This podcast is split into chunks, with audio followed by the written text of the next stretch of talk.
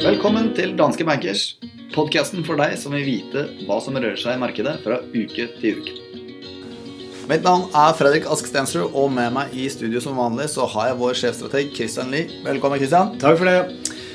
Vi, eh, vi er tilbake i studio. Jeg har vært på eh, ferie nå i to uker, så jeg har eh, lest ekstremt lite aviser. Jeg har stort sett bare solt meg. Så nå trenger jeg virkelig å høre hva er det som har skjedd denne uka her, Kristian. Denne uken her har vært preget av egentlig en oljehendelse. Rettere sagt et droneangrep fra Houthi-rebellene mot saudiarabiske oljeinstallasjoner.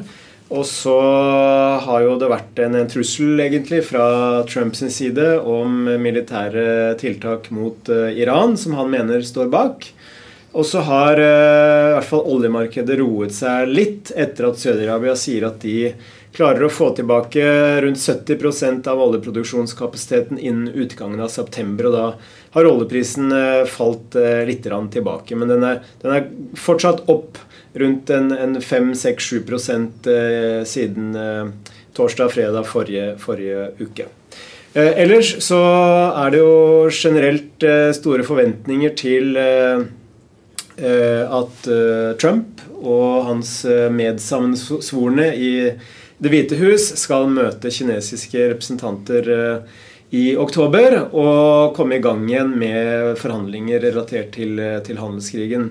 Og Så langt så har det kommet noen lyspunkter. Annet så har jo Trump sagt ja til å utsette denne tarifføkningen som opprinnelig skulle komme 1.10 til 15. oktober. Og Det var faktisk på en henvendelse fra Kina. Fordi 1. oktober det er da dagen for 70-årsjubileet for den kinesiske folkerepublikken. Og Da ønsket ikke kineserne å ha noe tarifføkning på den dagen. Og Det var snilt gjort av Trump. På den annen side, kineserne de har åpnet opp for å importere litt mer jordbruksråvarer fra USA. De har tatt bort tariffer på enkelte medisiner osv. Så, videre. så det har vært en del goodwill eh, fra begge sider egentlig i forkant av disse samtalene. Jeg så en, en, tweet fra deg, jeg tror det var i går.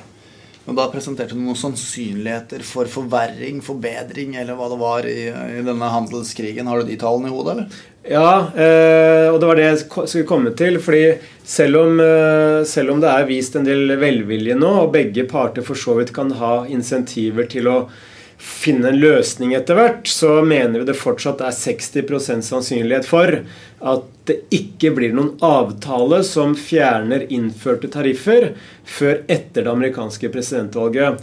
Og det er flere årsaker til det, men veldig enkelt, altså I den grad det er mulig å forstå seg på Trump, så er det vel én ting han ønsker å oppnå gjennom en sånn avtale, det er å kunne fremstå som en vinner.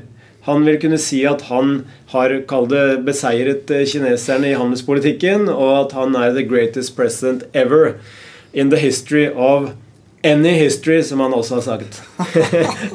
uh, og det, det, kanskje aller viktigste her, brem, bremfartsdumpen for en avtale, det er jo at dette ikke bare handler om bilateral handel mellom USA og Kina, men at dette er en konflikt som omfatter egentlig en generell økonomisk, teknologisk og til dels militær eh, konflikt mellom verdens to eh, stormakter. Så vi ser såpass mange hindre på veien her at vi tror det kan være Oktober kan gi oss på en måte en igangsettelse av nye forhandlinger, men det vil ta lang tid før man kommer frem til en avtale som tar bort disse tariffene. Så en klar avtale er ikke nært forestående? Ikke i, i, vår eh, optikk. Og det er også noe som faktisk reflekteres i den siste Global Fund Manager Survey som Bank of America gjennomfører per, hver måned. Eh, hvor 38% av de globale fondsforvalterne i verden de sier altså at de ikke ser noen løsning på konflikten mellom eh, Kina og USA. Og dette kaller de en new normal. Altså Dette er noe vi bare kommer til å måtte leve med i mange år fremover. Og Det er ganske interessant betraktning fra en, helt sikkert noen av de mest oppegående finansmenneskene i, i verden. Ja. Eh, hvis vi snakker litt mer om eh, politikk, så har det jo vært en utvikling også når det gjelder brexit. Dessverre ikke i mindre forvirrende retning. Fordi vi vet jo at det var et majoritet i parlamentet for å unngå en no deal brexit. Og de tvang da gjennom sin vilje, til tross for at Boris Johnson ikke ønsket en slik lovgivning. Og dronningen har da faktisk godkjent denne loven. Og det er fint. Men det er jo ikke slik at Boris Johnson nødvendigvis trenger å forholde seg til denne loven. Fordi det Boris Johnson sikter seg inn mot, det er jo å få til en avtale med EU som da gir en ryddig brexit i henhold til en avtale eh, innen eh, midten av oktober. Og hvis han lykkes med det, så må den avtalen ratifiseres i parlamentet. Og hvis man da får til det før 31.10, så får man en, en grei brexit. Men Og det, det, her, det her det så mange menn. Fordi denne uken her på mandag så reiste jo Boris Johnson til Brussel for å snakke bl.a. med Europakommisjonens leder Juncker. Uh, og dette betente backstop-temaet, uh, som da omhandler grensen mellom Irland, republikken Irland og Nord-Irland, det er liksom det mye henger på. Og det Juncker hadde håpet på, det var jo at Boris Johnson skulle komme dit med noen nye forslag. Men det glitret med sitt fravær. Så det har ikke vært noen fremskritt i det hele tatt. Det neste punktet i dette dramaet, det er jo så fantastisk, fantastisk interessant det er jo at eh, for et par uker siden, eller tre uker siden så bestemte Boris Johnson at eh, parlamentet skulle suspenderes i fem uker. Og bakgrunnen for dette var at de skulle på en måte få tid og ro i regjeringen til å eh, jobbe frem ny lovgivning og budsjetter osv. Og, dette fikk han da dronningens godkjennelse for, nemlig å suspendere parlamentet i fem uker. Men en skotsk domstol har da bestemt at denne suspenderingen er ulovlig. Og da har det gått til en britisk domstol som sier at vi vil ikke ha noe med politikk å gjøre. Dette er ikke vårt, liksom, dette er ikke vårt domene. Og da har saken gått til Høyesterett i, i Storbritannia. Hvorvidt Boris Johnson da i prinsippet har villedet dronningen. Så ja, så dette er så fantastisk, men problemet er at risikoen for en no deal brexit den er ikke borte. Selv om lovgivningen er der, så vil vi f.eks. kunne ha en situasjon hvor Boris Johnson fremforhandler en avtale med EU, men hvor parlamentet da sier nei. Vi godkjenner ikke den avtalen. Og hva er da default løsning 31.10? No deal brexit. Så ja, dette, det er ikke rart uh, verden står et på huet. Et altså. moderne politisk eventyr. Et, et, Dronning er involvert. Ja. Eh, hvis vi går over på makrosiden, eh, så har utviklingen den siste tiden vært litt eh, blanda. Det er fortsatt eh, ganske store utfordringer i den globale industrisektoren generelt, og i bilsektoren spesielt. For hvis man ser på bilindustrien, så ser man eksempelvis i Tyskland, som jo er bilindustriens eh, vugge, i hvert fall i Europa, eh, at eh, bilproduksjonen er avtagende. Og det skyldes ikke bare strukturelle utfordringer i den tyske bilindustrien, det skyldes også et globalt fenomen, nemlig ganske kraftig avtagende bilsalg. Og den økonomien som man skulle tro hadde voldsom vekst i bilsalget, det er jo den økonomien med rask befolkningsvekst og en ganske ung befolkning. Begynner på I og slutter på Ndia. Der har bilsalget faktisk falt 40 det siste året. Bilsalget er ned 10% i Kina. Og det forventes at bilsalget i USA og Europa vil falle med 2-3% i 2019 sammenlignet med 2018. Så her er det ting som beveger seg i litt feil retning, ikke minst for, for bilindustrien. På den positive siden så har vi fått eh, stadig flere bekreftelser på at de amerikanske husholdningene er i godt humør og ikke minst at de bruker penger. Uh, og siden privat forbruk utgjør 70% av amerikansk økonomi, så er det en bærebjelke i økonomien og for verdensøkonomien i øyeblikket. Og i går så, så vi tegn til at stemningen blant amerikanske boligbyggere er på høyeste nivå på 11 år, som igjen understøttes av litt lavere renter. Så et blandet makrobilde. Ikke så veldig negativt som det kanskje var rundt sommertider, men fortsatt litt bekymringsfullt i forhold til eh, den videre utviklingen. Og Det siste vi tenkte vi kunne snakke litt om i dag, er jo stemningen i, i aksjemarkedet. fordi vi har jo hatt, egentlig hatt en fantastisk utvikling i aksjemarkedet så langt i år. Amerikanske aksjer opp eh, over 21% 19% i Europa. 12-13% på Oslo Børs og nesten 8% for emerging markets. Eh, men likevel så viser en del faktorer at stemningen blant investorer egentlig ikke er så veldig god. Den er litt sånn preget av skepsis og uro og resesjonsfrykt osv. Og en sånn morsom indikator som, eh, som vi ikke legger veldig mye vekt på, men som likevel er en sånn morsom greie, det er eh, Bank of America sin bull og bear-indikator. Og Det er rett og slett en sånn målestokk som går fra 0 til 10. Og dersom den er over 8, så er det egentlig et salgssignal, for da er optimismen så høy at den nesten ikke kan bli høyere. Og da har det normalt sammenfalt med svakere utvikling i aksjer. Og hvis den pila er under 2, da er stemningen så dårlig at det normalt sammenfaller med positiv utvikling i aksjer. Og nå, eh, forrige uke, så var den faktisk på 0,7. Altså det er jo Løp og kjøp. Løp og kjøp, nesten. Men og bare for å ta med det Medianavkastningen de, de, de, de neste tre månedene etter at denne bull og bear-indikatoren har vært under to, har historisk vært 6 ish. Og det er jo bra. Men det som også er interessant her, det er at treffprosenten da på bull og bear-indikatoren Dvs. Si, hvor ofte, når den har vært under to, har aksjemarkedet faktisk steget de påfølgende tre månedene, så er treffprosenten 10 av 16. Så litt under eh, to tredjedeler. Mm.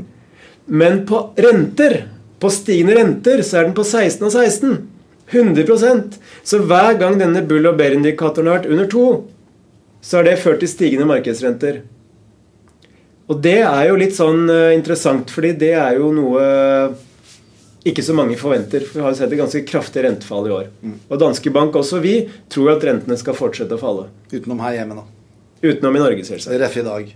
Ref i dag, Hvor Norges Bank hever styringsrenten. Mm.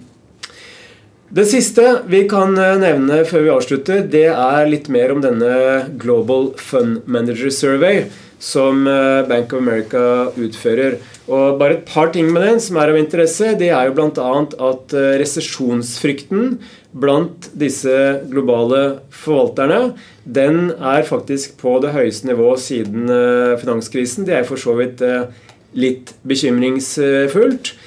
Men samtidig så har de økt eh, aksjeeksponeringen sin litt, så det er ikke så mye undervektet aksjer som tidligere. Og de er også litt eh, mindre pessimistiske i forhold til den selve BNP-veksten i, i økonomien. Når det gjelder regional allokering, så er det ingen tvil om hvilken region de foretrekker. Det er eh, amerikanske aksjer. Mens den regionen de har minst tro på, det er kanskje ikke overraskende britiske aksjer. Ja. da kan jeg jo oppsummere det du har fortalt meg som at fullt kaos i eh, handelskrigen mellom USA og Kina. Ja, noen lyspunkter. Ja, Men fortsatt relativt uoversiktlig for en som ikke har lest avisen siste uka. Eh, ikke mindre forvirrende hele brexit-eventyret. Ja, Det er komplett kaos. Og på makrosiden så er det en del blanda. Eh, vi har ikke fått alle svar, men noe kan jo tyde på at vi får noen svar allerede neste uke. Og hva er det som egentlig skjer i neste uke? Ja, På tirsdag så får vi den tyske IFO-indeksen, og den har jo vært eh, i et sånn depressivt territorium ganske lenge. Eh, forrige uke så fikk vi den tyske ZEV-indeksen, som faktisk steg. Eh, og Forskjellen her er at IFO-indeksen den eh, måler stemninger blant bedriftsledere, mens ZEV-indeksen måler stemningene blant eh, analytikere og investorer. Riktig. Men vi får mer enn det. Neste uke? Ja, Torsdag halv tre så får vi BNP-tall fra USA. Og de er litt sånn viktige i forhold til dette resesjonsbegrepet og resesjonsfrykt osv. Eh, veksten i første kvartal var på rundt 3% Veksten i andre kvartal var på rundt 2,1% Og anslagene nå ligger også på rundt 2 eh, Og det er jo fortsatt et en grei vekst i amerikansk økonomi. Mm. Så resesjonen står ikke for døren slik vi ser det. Nei. Og fredag klokka fire da får vi forbrukertillitstall fra USA. Og nok en gang, grunnen til at det er så viktig, er at i øyeblikket så er eh, de amerikanske forbrukerne bærebjelken i amerikansk økonomi. Skulle man se at eh, stemningen faller, og de blir mindre optimistiske, så kan det i verste fall føre til at de bruker mindre penger. Og da vil man kunne få en negativ spiral i økonomien. Men enn så lenge så er eh, optimismen rimelig høy hos de amerikanske forbrukerne. Veldig bra, Kristian. Føler meg ikke mindre forvirra nå enn før vi gikk inn her, men det kan jo hende at det gir seg til neste uke. Jeg skal uh, oppsummere og også ta markedsbevegelser siste fem dager, men før det så må vi gjenbesøke et element som vi ikke har hatt i poden i det siste, og det er jo Aksjeolympiaden 2019. En høyst aktuell, uh, seriøs konkurranse mellom meg og deg. Vi tok jo ved begynnelsen, eller første halvår tok vi ukentlige posisjoner så eh, har vi over en lengre periode bare sittet stille på én posisjon hver.